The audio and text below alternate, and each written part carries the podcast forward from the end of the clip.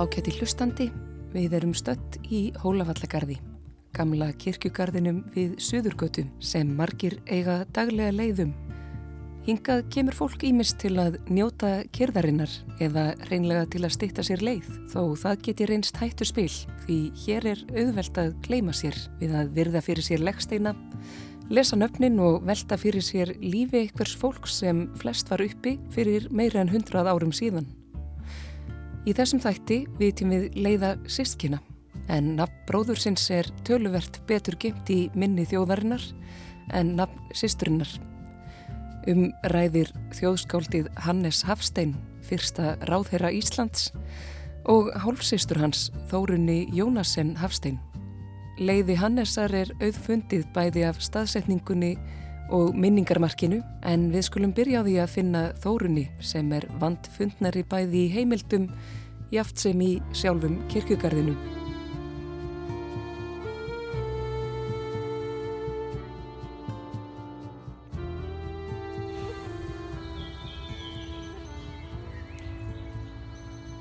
Ég hef búin að lappa marga, marga ringi hér í gamla hlutagarðsins sunnanvegin við klukkunaportið en þó nokkund vegin í miðju hans þar sem öllu ægir saman og gungur stígarnir renna í eitt og enda í blindgötum.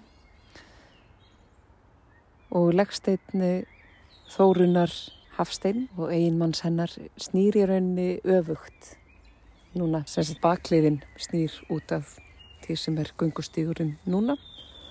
En um er að ræða nokkuð stóran reit þar sem eru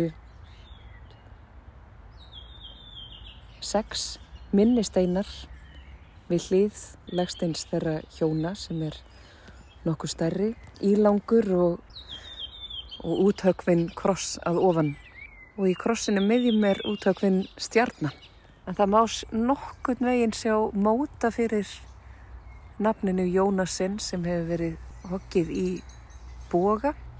Jónas, Jónasinn, Doktor Med, hmm. Landlæknir, held ég að standi hér, Landlæknir, jú. Og fyrir neðan stendur Þórun Jónasinn, einnig í boga. Hmm. Hafstinn í beitni línu fyrir neðan. 22.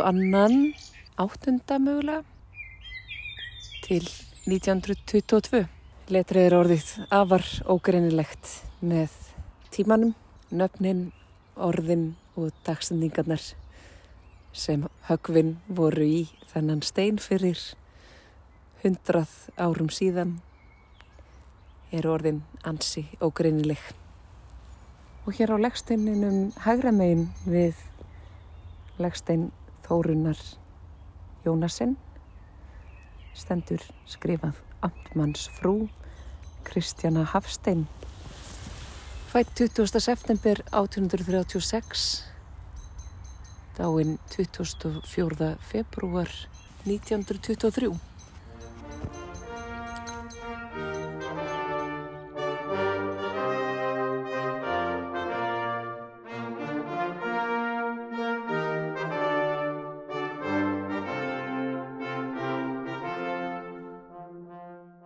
Kristjana Gunnarsdóttir Hafstein, móðir Hannesar Hafstein, virðist sem sagt kvíla í næstu gröfið Þórunni hálsistur hans. Kristjana var þriðja eiginkona Péturs Hafstein, föður þeirra Hannesar, en Þórun var dóttir fyrstu eiginkona hans, Guðrúnar Hannesdóttir. Þórun var fætað ketilstöðum á völlum í Suður Múlasíslu 12. júni 1850. Guðrún móður hennar var dóttir Hannesar Stefensen Prests og Þórunar Magnúsdóttur Stefensen. Þau voru sískinabörn en Stefensen ættin var umsveifa mikil á þessum tíma og hefur þegar komið heilmikið við sögu í þessum þáttum. En Hannes, móður afi Þórunar Jónasen, var sonur Stefáns Stefensen stiftamtmanns og mörtu Marju Didriksdóttur Höldir. Ef þessi nöfn hljóma kunnulega í eirum hlustenda, þá er það að því Hannes þessi hefur sem sagt verið stjúpsónur Guðrúnar Ottsdóttur, vökukonunar í Hólavallagarði, setni eiginkonu Stefáns Stefensen, sem fjallað var um í fyrsta þætti fólksins í gardinum. En nú er þetta allt orðið heldur rugglingslegt. Við skulum kvíla Stefensen ættina í byli og vind okkur aftur í söður múlasíslu að uppvexti Þórunar Jónasen. Þegar Þórun var aðeins tíu mánuða gömul lest móðurinnar Guðrún í april 1851, 23 ára að aldri.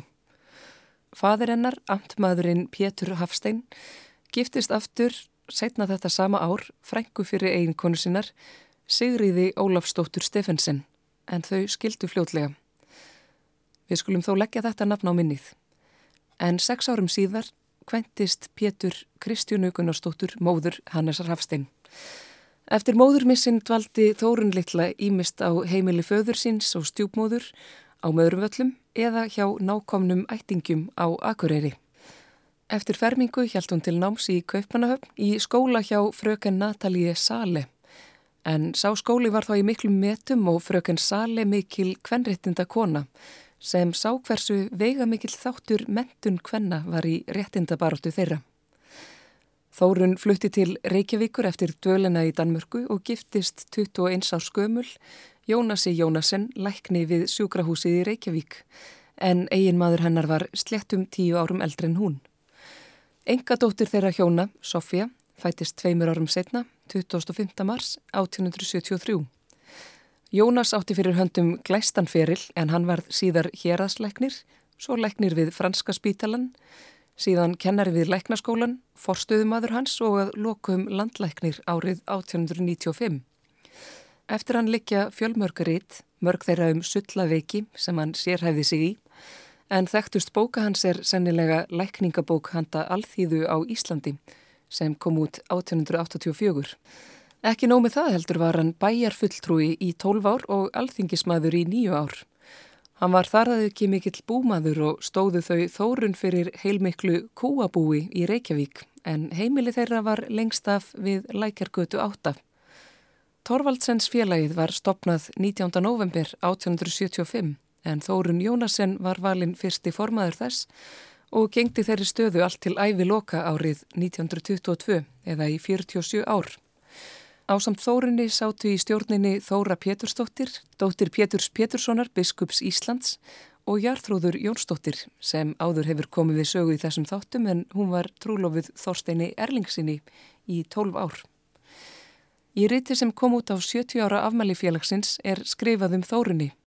Með formensku sinni í Torvaldsens félaginu gat hún sér þann orðstýrir ekki deyr á meðan það félag lifir eða saga þess. Hún var þar elskuð og virt af öllum félagskonum. Hún kunni ekki að berjast með agitasjónum og ræðuhöldum en var rétt sín og fríðelskandi um leið og hún var viljaföst og gætin. Árið 1908 var Þórun í hópi þeirra fjögura fyrstu kvenna sem kostnar voru í bæjarstjórn Reykjavíkur og átt hún sætið þar næstu sex árin. Jónas Jónasen landleiknir eiginmaður Þórunar lest árið 1910, tæplega sjötugur, en Þórun lifði sem ekki í tólf ár. Árið 1921 hlaut hún Rittarakross hinnar íslensku fólkáorðu, fyrst kvenna á samt Elínu Brím, höfundi bókarinnar Kvennafræðarinn sem kom út 1888. Þórun Jónasen lest 18. april 1922, tæplega 72 ára. Tæpum 90 árum eftir andlátt Þórunar í november 2010 tilkynnti Skeipulagsráð Reykjavíkur um nafnbreytingar á fjórum götum í Reykjavík til heiðurs baráttu konum fyrir kvenréttindum. Var þá nafni skúlatúns í Reykjavík breytt í Þórunartún til minningar um Þórunni Jónasen Hafstein.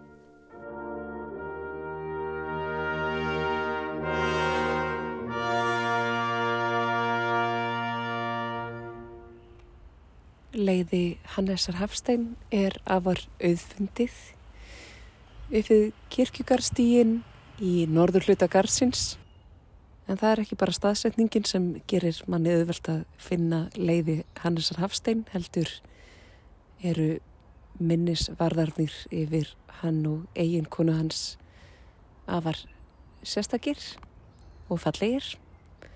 Tvær afhögnar súlur úr marmara og er myndarlegt járn gerði í kring Á súlunni vinstramegin er nafn frú Ragnæðar Hafstein, fætt 3. april 1871, dáinn 18. júli 1913 og á þeirri hægra megin Hannes Hafstein, 4. desember 1861, dáinn 13. desember 1922.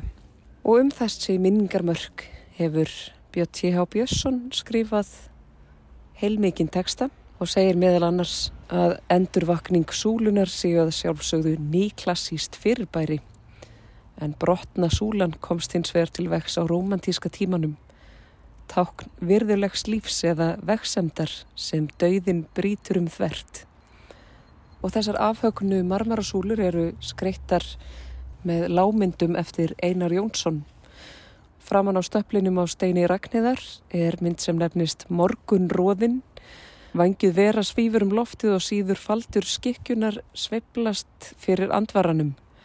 Annari hendi heldur hún um stóran logandi kindil en þrýstir á hinvegin lítilli mannveru á að brjósti sér. Á steini Hannesar er einn þeirra kristmynda sem einar mótaði bæði og málaði í ýmsum afbreyðum og kallaði þó jafnan komið til mín. Kristur er þar síndur með útréttað arma í möndlulega albaug en að hægri síðu hans hjúfurar seg maður með bænastaf. Út frá albaugnum eða Kristi sjálfum standa geistlar sem mynda stóran kross í fletinum.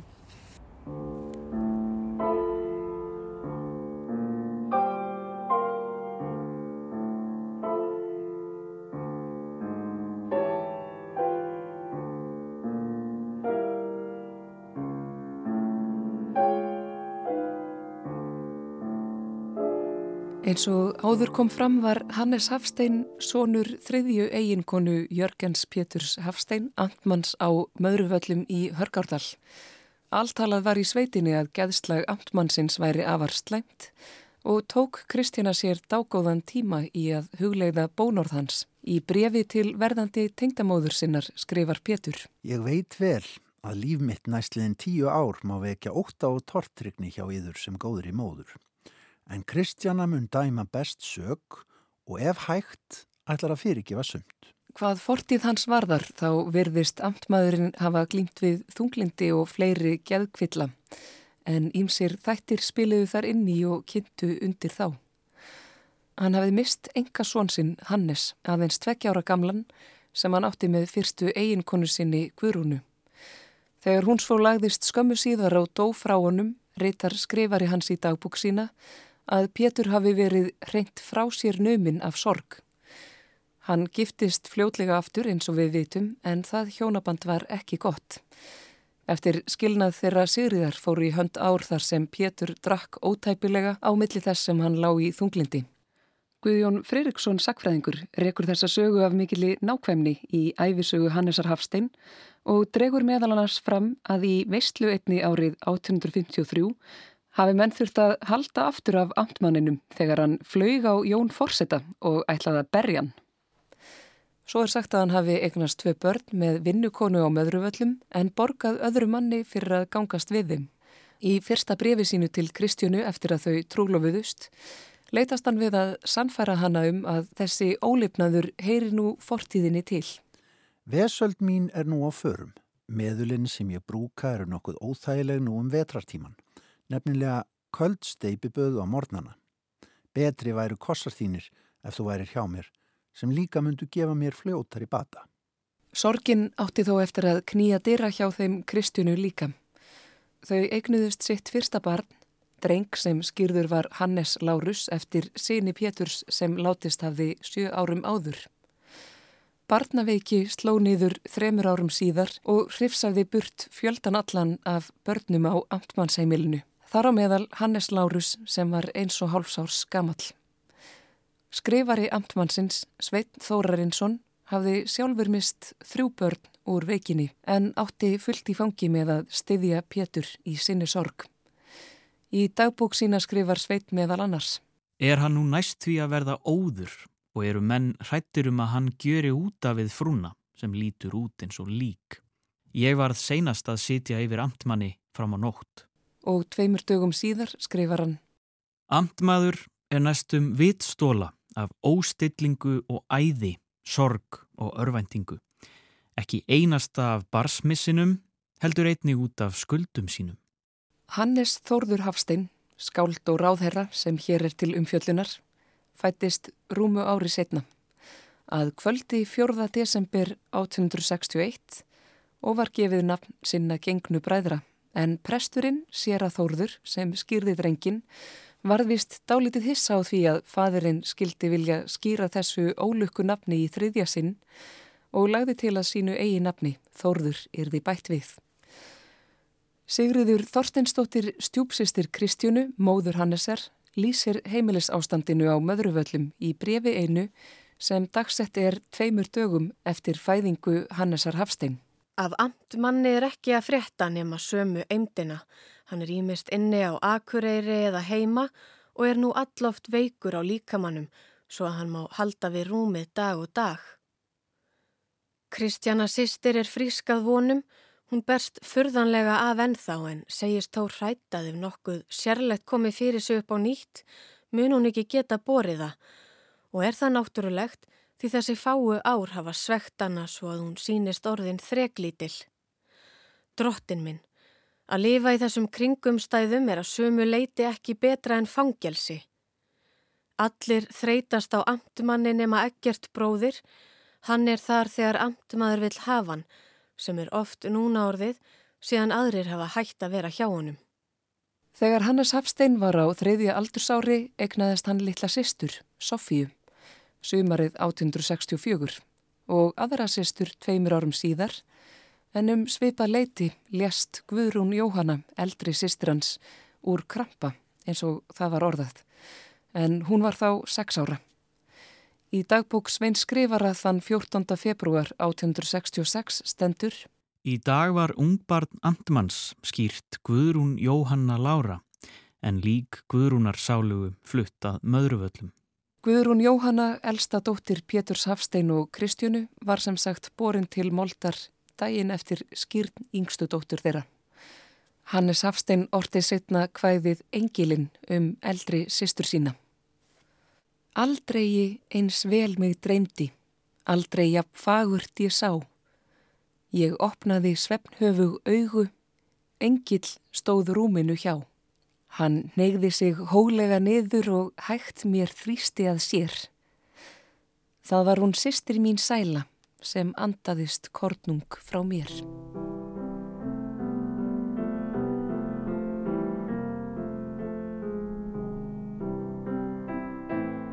Rúmu ári síðar bættist enni sístkinahópin á möðruvöllum og Sveit skrifari ferði til dagbókar 9. ágúst 1867 að yfirsetu kona hafi verið sótt handa amtmannsfrúni sem í dag ól tvípura með harmkvælum, dreng og stúlku.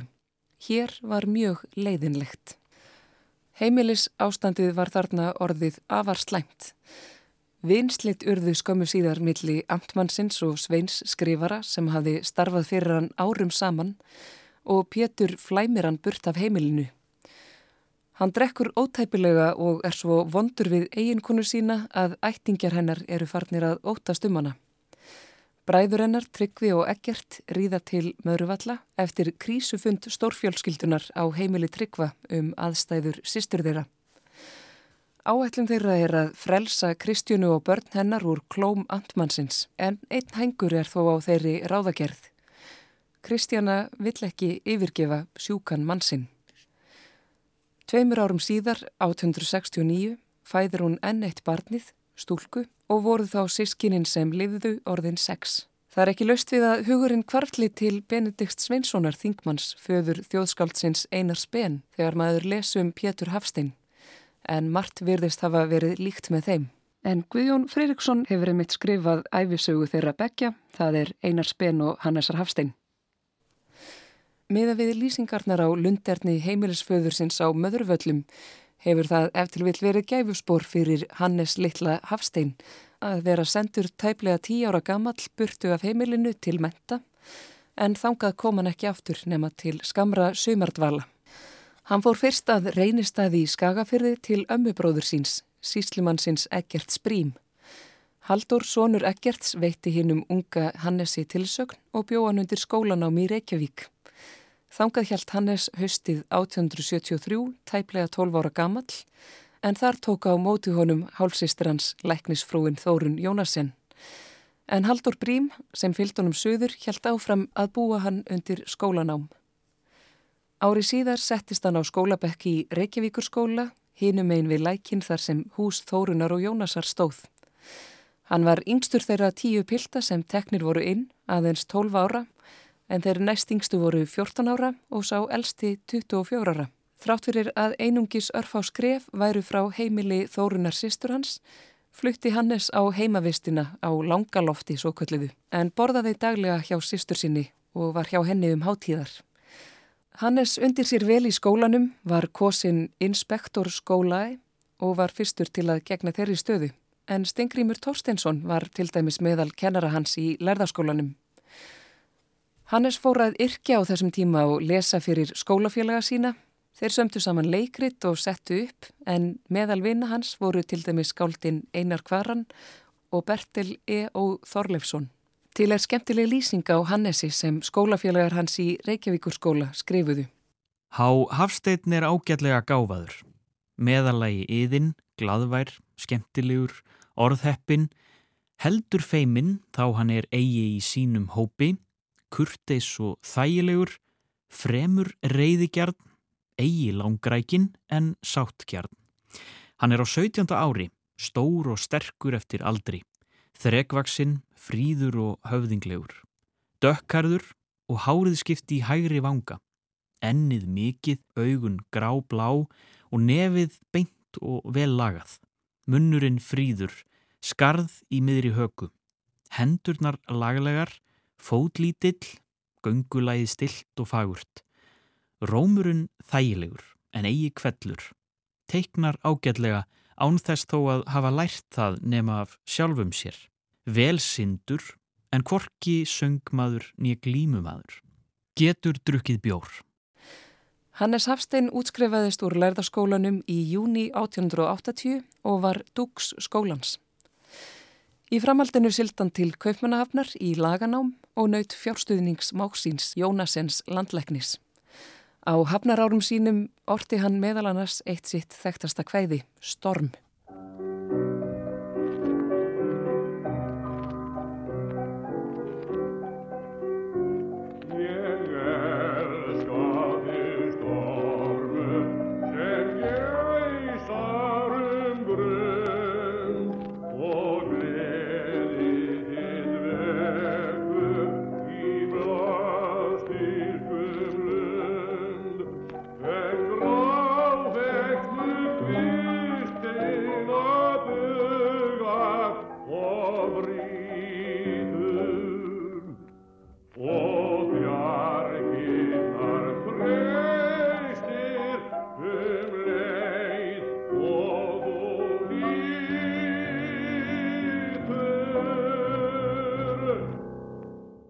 Einar Markan söng eigilag við ljóð Hannesar Hafstein, Stormur. Á meðan Danmerkur dvölinni stóð var Hannes að vera náinn Sofíu sýstur sinni sem var samtíðað honum þar úti og bjó hjá Tryggva Gunnarsinni móðurbróður þeirra. En Hannes bjó á stúdendagörðunum þar sem var mikið líf og fjör. Sofía vektist af lungnatæringu og lá langa legu á Fridriksspítala þar sem Hannes vitjaði hennar daglega. Að endingu fór hún heim til Íslands þar sem hún lest 14. mars 1885, 21 árs að aldri. Við andlátsfregnina orti Hannes ljóðið Sisturlát. Úti heyrði ég næðinga nætur, nóttin er ísköld og dimm. Við hlustir mér helfregnin lætur, höfug og grimm. Þannig hljóma upphafslínur þessa harmaræna kvæðis en allar sýstur Hannesar sem uppkomust urðu afar skamlífar og Kristjana móður þeirra sem lést 91 árs livði öll sín nýju börn nema tvö.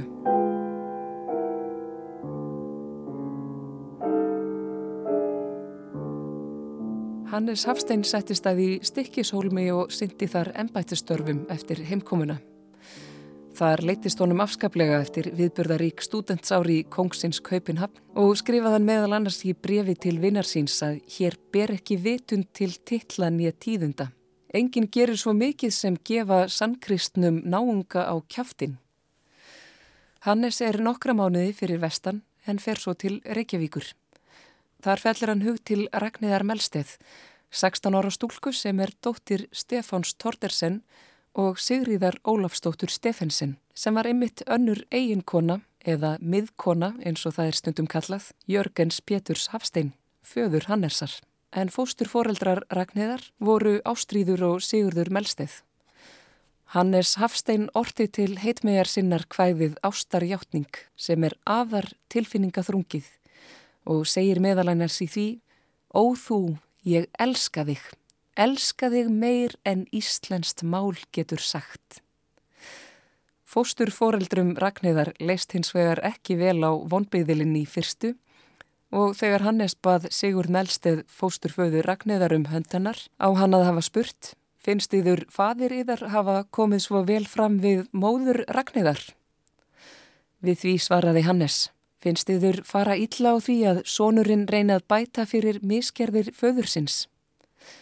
Með því náðan að sannfæra fósturforeldrana og þau ragnæður trúlofuðust 8. april 1887 og giftust 15. oktober sama ár. Frumburður þeirra kom í heiminn vorið 1891, sonur sem gefið var nafnið Sigurður, í höfuðið á fósturföður ragnæðar. Hannes skreifaði Kristjánu móður sinni tíu dögum setna.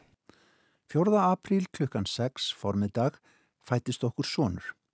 Allt gekk mjög vel. Ragnheður let ekki eitt einasta hljóð til sín heyra. Henn hefur helsast vel síðan og fór í fyrsta sinn á fætur í gær um tíma. Strákurinn er stór og efnilegur að sjá og vel frískur. Hann var alltaf 20 mörgum þegar hann fættist, en þó eigi feitur. Ég veit ekki hvað þungur hann er nú. Jarpur að hár, dökkægur, byður að helsa ömmu sinni. Ári síðar í mars 1892 fætist þeim dóttir sem skýrð var Kristjana. Í september sama ár vektist Hannes af taugaviki og lýsir hann veikindum sínum meðal annars á eftirfarandi veg í brefi til móður sinnar. Það var víst tæfóid fýver sem að sló sér ekki á magan eins og slíkir kvellar eru vanir. Heldur engöngu á höfuðið og fylgdi allmikill og þrálátur feber. Þegar svo feberinn fór og höfuverkurinn þá hljóp djöfsi í annan skankan á mér, bólnaði lærið og kálfin og með það sit ég enn. Hannes var þó á batavegi þegar hann skrifaði þetta og sagði aðeins eftir stöðvarnar nú ergja sig og irritera desperat. Börnin komu á hverju ári og í ágúst 1893 fættist þeim hjónum önnurdóttir sem skýrð var ástríður eftir fósturmóður Ragnæðar. Þetta sama ár kom út fyrsta ljóðabók Hannesar Hafstein, Ímisleg ljóðmæli, en hann var þá 32 ára. Bókin fekk svo góðar viðtökur að sumum þótti nóg um, en um sveipa leiti kom út önnur útgafa ljóðmæla Stengrims Torsteinssonar, þar sem finnam á háðsvísu sem flestir þóttust vita að væri um Hannes. Með oflofi tegður á eirum var hann, svo öll við að sannindi reyndust, en ekki um einn þumlung hann vaksa þó vann, það voru aðeins eirun sem lengtust. Ári síðar í mæ 1895 bættist svo fjórða barnið í hópin, dóttir sem fekk nafnið Þórun, líklegast í höfiðið á Þórunni Jónasen. 1896 fluttist svo fjölskyldan til Ísafjörðar þar sem Hannes hafði fengið veitingu embættis síslumanns þar. Í desember það ár bættist enn einn dóttirinn í sískinaskaran og fekk nafnið Sigriður í höfiðið á móðurömmu sinni. Nokkur síðar skrifar Ragnæður Kristjónu tengdamóður sinni og gefur meðalannars lýsingu á nýja barninu. Það gekk ágætlega vel. Hálfum þriðja tíma eftir að yfirsetu konan kom var stelpan komin og 20 merkur var hún, stór skorinn og grótesk. Auðsjánlega reyndi ekki meiningin að hún ætti að verða stelpa, heldur strákur. Hendur hefur hún eins og slaktari og fætur þar eftir. Það eina sem gengur an eru augun. Í desember 1899 fættist sjötta barð þeirra hjóna, fymta stúlkan, og fekk hún nafnið Sofja Lára eftir tveimur systrum Hannesar sem þá voru látnar. Í janúar vektist svo frumburður þeirra, sonurinn Sigurður. Hannes skrifaði þá vini sínum Mattias í okkum sinni. Ég er í öngum mínum. Einasti drengurinn minn, elsta barnið Sigurður litli, er mjög veikur og mjög hægt við því að hann að minnstakosti verði mjög lengi að ná sér ef hann lifir. Ef ekki, þá verð ég lengi að því. Sigurður litli lest annan februar árið 1900, nýja ára gamall. Í kistu sónar síns lagði Hannes Hafstein ljóðið Kveðju, harmþrungið og personlegt kveði. Á leggsteinin let hann högva áleitrunina Fyrst deyr í haga rauðust rós. Mikið þunglindi heltók Hannes eftir sonarmissin og hafði vinir hans og ættingjar áhyggjur af því að þessi harmur myndi leikan jafngrátt og föður hans Pétur Amtmann forðum daga. Skömmu síðar ljast Elin sýstir hans sömu leiðis og voru þá allar fimm allsýstur hans dánar en eftir stóðu Hannes og bræður hans tveir. Hannes skrifaði móður sinni um þetta leiti og var þá langt niðri, ásekaði sjálfan sig fyrir dauða Sigurðar sagðist bligðast sín fyrir veikleika sinn og harmar að bú ekki yfir samskonar styrk og móðir hans sem ávalt stendur stöðug þrátt fyrir öll þau áföll sem á henni hafa dunið. Í niðurlagi brefsins segir hann Ég á ekki að vera að skrifa svona. En hvar er ljósið sem er sloknað? Hvar er árið sem er liðið? Hvar er söngurinn sem er hættur? Hvar er gleðin sem er horfin? Hvar er lífið sem er dáið? Til hvers er þessi sábúkúla sem bleikar, brestur og hverfur? Til hvers allar þjáningar og sálarsár? Því mega menn ekki lifa óáreittir af óviðráðanlegum og óbeigjanlegum öblum eða verum. Til hvers er þetta allt? Það byrti þó til í lífi Hannesar þegar leið á árið Hann var kosin þingmaður Ísfyrðinga og Ragnæður eiginkona hans fætti honum enn eina dótturina. Hann skrifaði þá í brefi til móður sinnar. Við erum frísk öll, yngsta dótturinn óskýrð enn, á að heita einhverju ram íslensku nafni. Hún er óvanlega þægt barn, sefur alla nætur í ró og friði, svarthærð eða mjög dökkarð, með hoffmann svip og ofurlítið íbjútt nef, alveg mótsett kartablunum á ástríði og síriði. Í þessum þætti er að mestu leiti skautað hjá sögu stjórnmálaferils Hannesar Hafstein og þá slóð sem hann fetaði til þess að komast í stól fyrsta ráðherra Íslands. Það veri efni í annan og mun lengri þátt að telli upp afrekans á því sviði en þá sögu getur fólk kynnt sér á öðrum vettfangi. Þó er rétt að nefna að hann stutti helsugar réttindabaratu kvenna og var vinur Bríetar Bjarthéðinsdóttur en þau bygguðum tíma í sama húsi.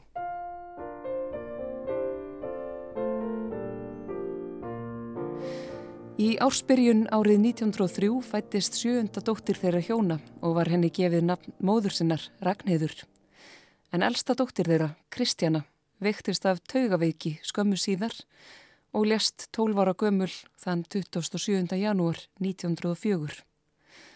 Það var einmitt sama ár og Hannes Hafstein varð fyrsti ráðherra Íslands. 1. februar 1904 fóru valdaskiptin fram Heimastjórn var sett á og Hannes settist í ráðherrastólin í Reykjavík vitandi ekkert um dótturmissin vestur á Ísafyrði. Viku síðar kom eiginkona hans söður til Reykjavíkur með skipi og færði eiginmanni sínum þá harma fregn að elsta dóttir þeirra væri látin og hefði þegar verið jarfsett.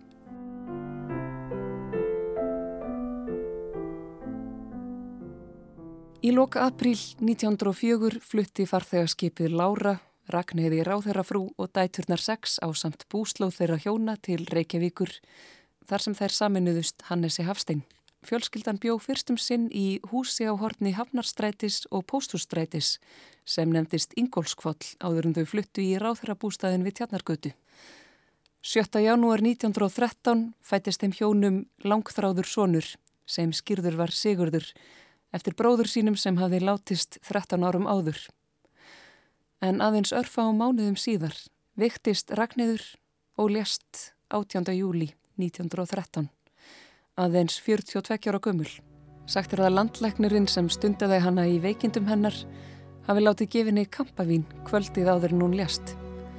Hún bað þá um að held væri í annað glas fyrir eiginmann sinn, skálaði við hann og sagði eins hressilega og henni var und. Mér finnst það eiga við. Skindilegt fráfall Ragnæðar eiginkonu hans lagðist þungt á Hannes Hafstein en margar heimildir vitna um hversu einstaklega ástríkt hjónaband þeirra var.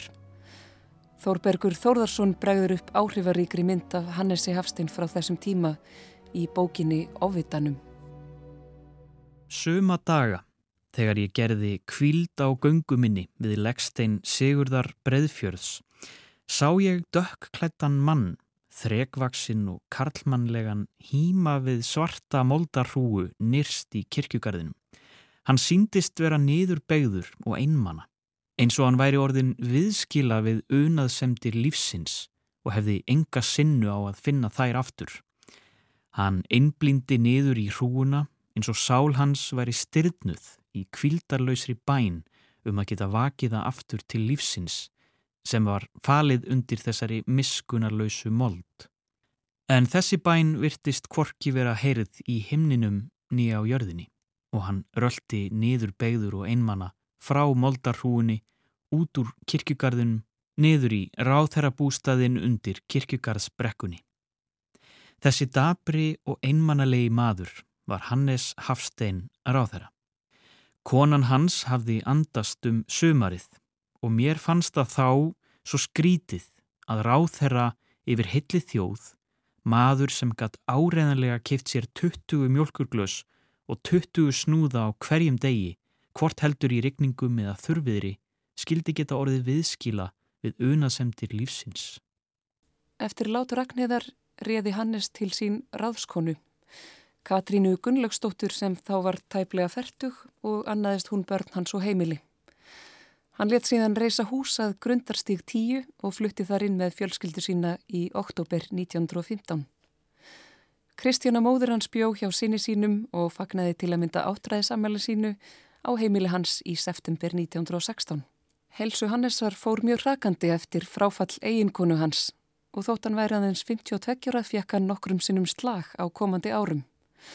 Tengdafæðir Ástriðar dóttur hans lýsir því í brefi nokkrum árum síðar að Hannes sé einlegt mesti aumingi, er þó talinn á batavegi. Minnið er sagt mjög sleimt og dofin vill ekki fara úr líkamannum. Frátt fyrir sleimt helsufar Hannesar getur hann barn með eiginkonu frænda síns, Eggert Sprím. Hún hétt Katrín Torstinsson og var frá Bíldudal. Árið 1917 var hún 35 ára og áttu þau Eggert sex börn saman en voru skilinað borði á seng, þó ekki lögformlega. Hannes hafði verið tíður gestur á heimili þeirra Eggerts en eftir skilnaðin var hann oft í heimsókn hjá Katrínu og milli þeirra myndaðist ástarsamband. 7. november 1917 fætti hún són sem enginn efaðist um að Hannes ætti, en þar sem hún var enni hjónabandi með Eggerti Brím var faðernið skráð á hann. Til greina koma hún færi með barnið á heimili Hannesar við grundarstík en ráðskona hans taldi það óráðlegt vegna heilsubrests Hannesar. Katrín fór síðar með drengin til foreldra sinna í Hafnarfyrði en örlög hennar sjálfrar voru að var svipleg en hún fannst druknuð tæpum tveimur árum síðar í sjónum undan kvaleri. Í oktober 1919 skrifar móðir Hannessar, þá 83 ára, að sonur hennar hafi að mestu verið rúmfastur síðustu þrjú árin, en berið þó veikindi sín vel og klæði sig oftast daglega. Á 60 samæli hans 4. desember 1921 skrifar Þorsteit Gíslason í lögréttu að Hannes hafi ekki verið hálf 60, er heilsa hans spilaði gerðsamlega og virtist hann þó óvenjulega sterkbyggður maður. Hannes Hafstein tórði í eitt ár í viðbútt en lést 61 árs að aldri að morgni 13. desember 1922 og satt móður hans hjá honum er hann skildi við.